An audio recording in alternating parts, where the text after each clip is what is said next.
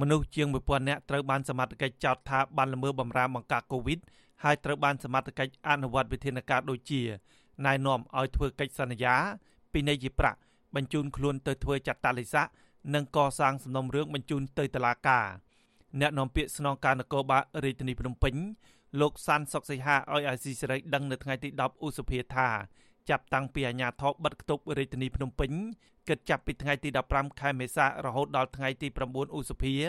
មានអ្នកល្មើសបំរាមជាង1000នាក់ក្នុងនោះតឡាការចេញដីកាឃុំខ្លួន10នាក់សាកសួរបន្តនៅតឡាការ3នាក់និងកំពុងសាកសួរនៅអធិការខណ្ឌ39នាក់ពីនៃជាប្រាក់ជាង300នាក់អប់រំណែនាំជិត500នាក់និងបញ្ជូនទៅធ្វើចាត់តាលិស័កជាង100នាក់លោកបន្តថាក្នុងចំណោមអ្នករងការផាកពិន័យ នឹងត្រូវបង់ប្រាក់ទៅអាជ្ញាធរតាមសាលារាជធានីភ្នំពេញកំណត់ចាប់ពី1លានរៀលឡើងទៅប៉ុន្តែបើអ្នកប្រព្រឹត្តមិនទាន់បង់លុយភ្លាមភ្លាមអាចពន្យាពេលបានមួយខែ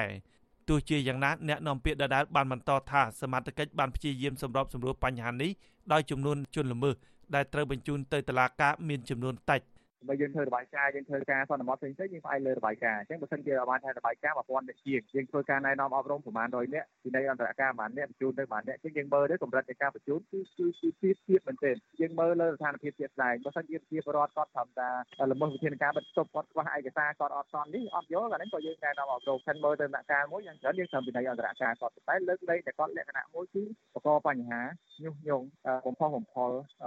មិនអនុវត្តតាមវិធានការច្បាប់កូវីដអាហ្នឹងបានយើងអនុវត្តតាមនឹងដោយឡែកចំពោះករណីញុះញង់អ្នកនាំពាក្យស្នងការនគរបាលរាជធានីភ្នំពេញរូបនេះបានឲ្យដឹងថាចាប់តាំងពីមានបញ្ហាកូវីដពីដើមខែមករាមកដល់ពេលនេះសមត្ថកិច្ចក្រុងភ្នំពេញបានឃាត់ខ្លួនមនុស្សចំនួន4នាក់ទៅតុលាការក្នុងនោះ2នាក់ពាក់ព័ន្ធនឹងការញុះញង់តាមបណ្ដាញសង្គម TikTok និង2នាក់ទៀតញុះញង់រឿងចាក់វ៉ាសាំងរីឯនាយករងទទួលបន្ទុកផ្នែកខ្លំមើលសិទ្ធិមនុស្សអង្គការលីកាដូលោកអំសំអាតយល់ថាវិធានការទប់ស្កាត់បញ្ហាកូវីដ គឺជាកិច្ចការដែលរដ្ឋាភិបាលកំពុងប្រឹងប្រែងប៉ុន្តែលោកសង្កេតឃើញថាពលរដ្ឋមួយចំនួននៅមិនទាន់ទទួលបានព័ត៌មានច្បាស់លាស់ឬពេញលេញពីអាជ្ញាធរនៅឡើយលោកបន្តថាផ្អែកលើតួលេខចំនួនមនុស្ស1000នាក់ដែលល្មើសបំរាមនេះបញ្ជាក់ថាពលរដ្ឋភៀសច្រើនមិនទាន់យល់ឬដឹងពីវិធានការនេះនៅឡើយមន្ត្រីសង្គមស៊ីវិលរូបនេះជំរុញទៅអាជ្ញាធរព្យាយាមផ្សព្វផ្សាយច្បាប់កូវីដនិងវិធានការរបស់អាជ្ញាធរឲ្យដល់ពលរដ្ឋឲ្យបានទូលំទូលាយ។ ប៉ុន្តែអ្វីដែលសំខាន់ជាងហ្នឹងគឺប្រជាពលរដ្ឋត្រូវតែទទួលបាននៅព័ត៌មានគ្រប់គ្រាន់ទី1អំពីបញ្ហាច្បាប់ COVID ទី2វិធានការរបស់រដ្ឋាភិបាលនានាហ្នឹងដើម្បីឲ្យគាត់ដឹងខ្លួនហើយនឹងចូលរួមក្នុងការអនុវត្តដើម្បីកុំឲ្យគាត់បំពេញបំរាមនិងបំពេញច្បាប់ដោយមិនទាន់បានយល់ណានេះជាជាចំណុចសំខាន់ប៉ុន្តែចំពោះអ្នកយល់អ្នកដឹងហើយបំពេញអាហ្នឹងការអនុវត្តវាជារឿងត្រឹមត្រូវហើយ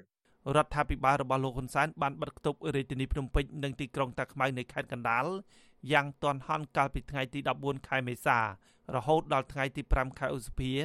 ប៉ុន្តែរដ្ឋាភិបាលបានព្រមានរួចទៅហើយថាបិទគប់នេះអាចនឹងបន្តរយៈពេលយូរថ្ងៃទៀតប៉ះសិនបើស្ថានភាពជំងឺ Covid-19 នៅក្នុងសហគមន៍មិនថមថយអ្នកនាំពាក្យស្នងការនគរបាលរាជធានីភ្នំពេញ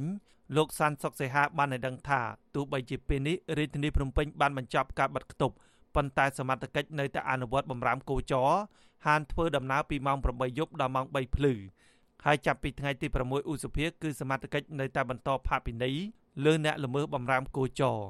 អង្គការសង្គមស៊ីវិលជាតិនិងអន្តរជាតិរួមទាំងមេដឹកនាំគណៈបកប្រឆាំងផងបានរិះគន់វិធានការនេះថាអាញាធររដ្ឋបတ်ហួហេតុនិងមិនបានឆ្លើយតបតាមតម្រូវការថវិកាស្បៀងអាហារឲ្យបានគ្រប់គ្រាន់និងទាន់ពេលវេលាអ្នកនាំពាក្យសមាគមសិទ្ធិមនុស្សអាត់ហុក លោកសង្សានករណាចង់ឲ្យសមាជិកគួរតែយោគយល់ជាងនេះនៅក្នុងស្ថានភាពដែលពលរដ្ឋជួបការលំបាកបែបនេះលោកសង្កេតឃើញថាពលរដ្ឋក្រីក្រមួយចំនួនដោយសារតែបញ្ហាជីវភាពក៏បថុយប្រឋានចេញទៅរកលុយដែលធ្វើឲ្យល្មើសនឹងបំរាមរបស់អាជ្ញាធរដូច្នេះលោកថាអាជ្ញាធរគួរតែត្រឹមអប់រំពលរដ្ឋឬឲ្យធ្វើកិច្ចសន្យា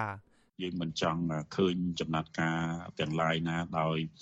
ដាច់ណាត់ពេកទេគួរតែពិនិត្យមើលនៅស្ថាននៃការប្រព្រឹត្តទាំងអស់ហ្នឹងហើយបទូបថយ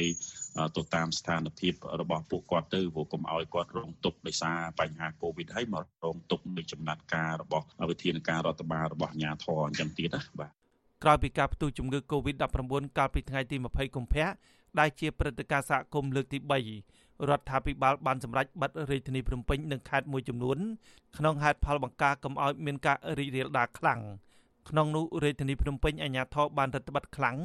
និងចេញវិធានការលើពលរដ្ឋជាបន្តបន្ទាប់ដោយក្រៅពីការខាត់ខ្លួនពលរដ្ឋពីនៃពលរដ្ឋអាជ្ញាធរថែមទាំងប្រើរំពាត់ផ្ដៅដេញវាយប្រជាពលរដ្ឋថែមទៀតផងទោះជាយ៉ាងណាមកដល់ពេលនេះស្ថានភាពជំងឺ Covid-19 ហាក់មិនថមថយខ្លាំងនៅឡើយខ្ញុំបាទហេងរស្មី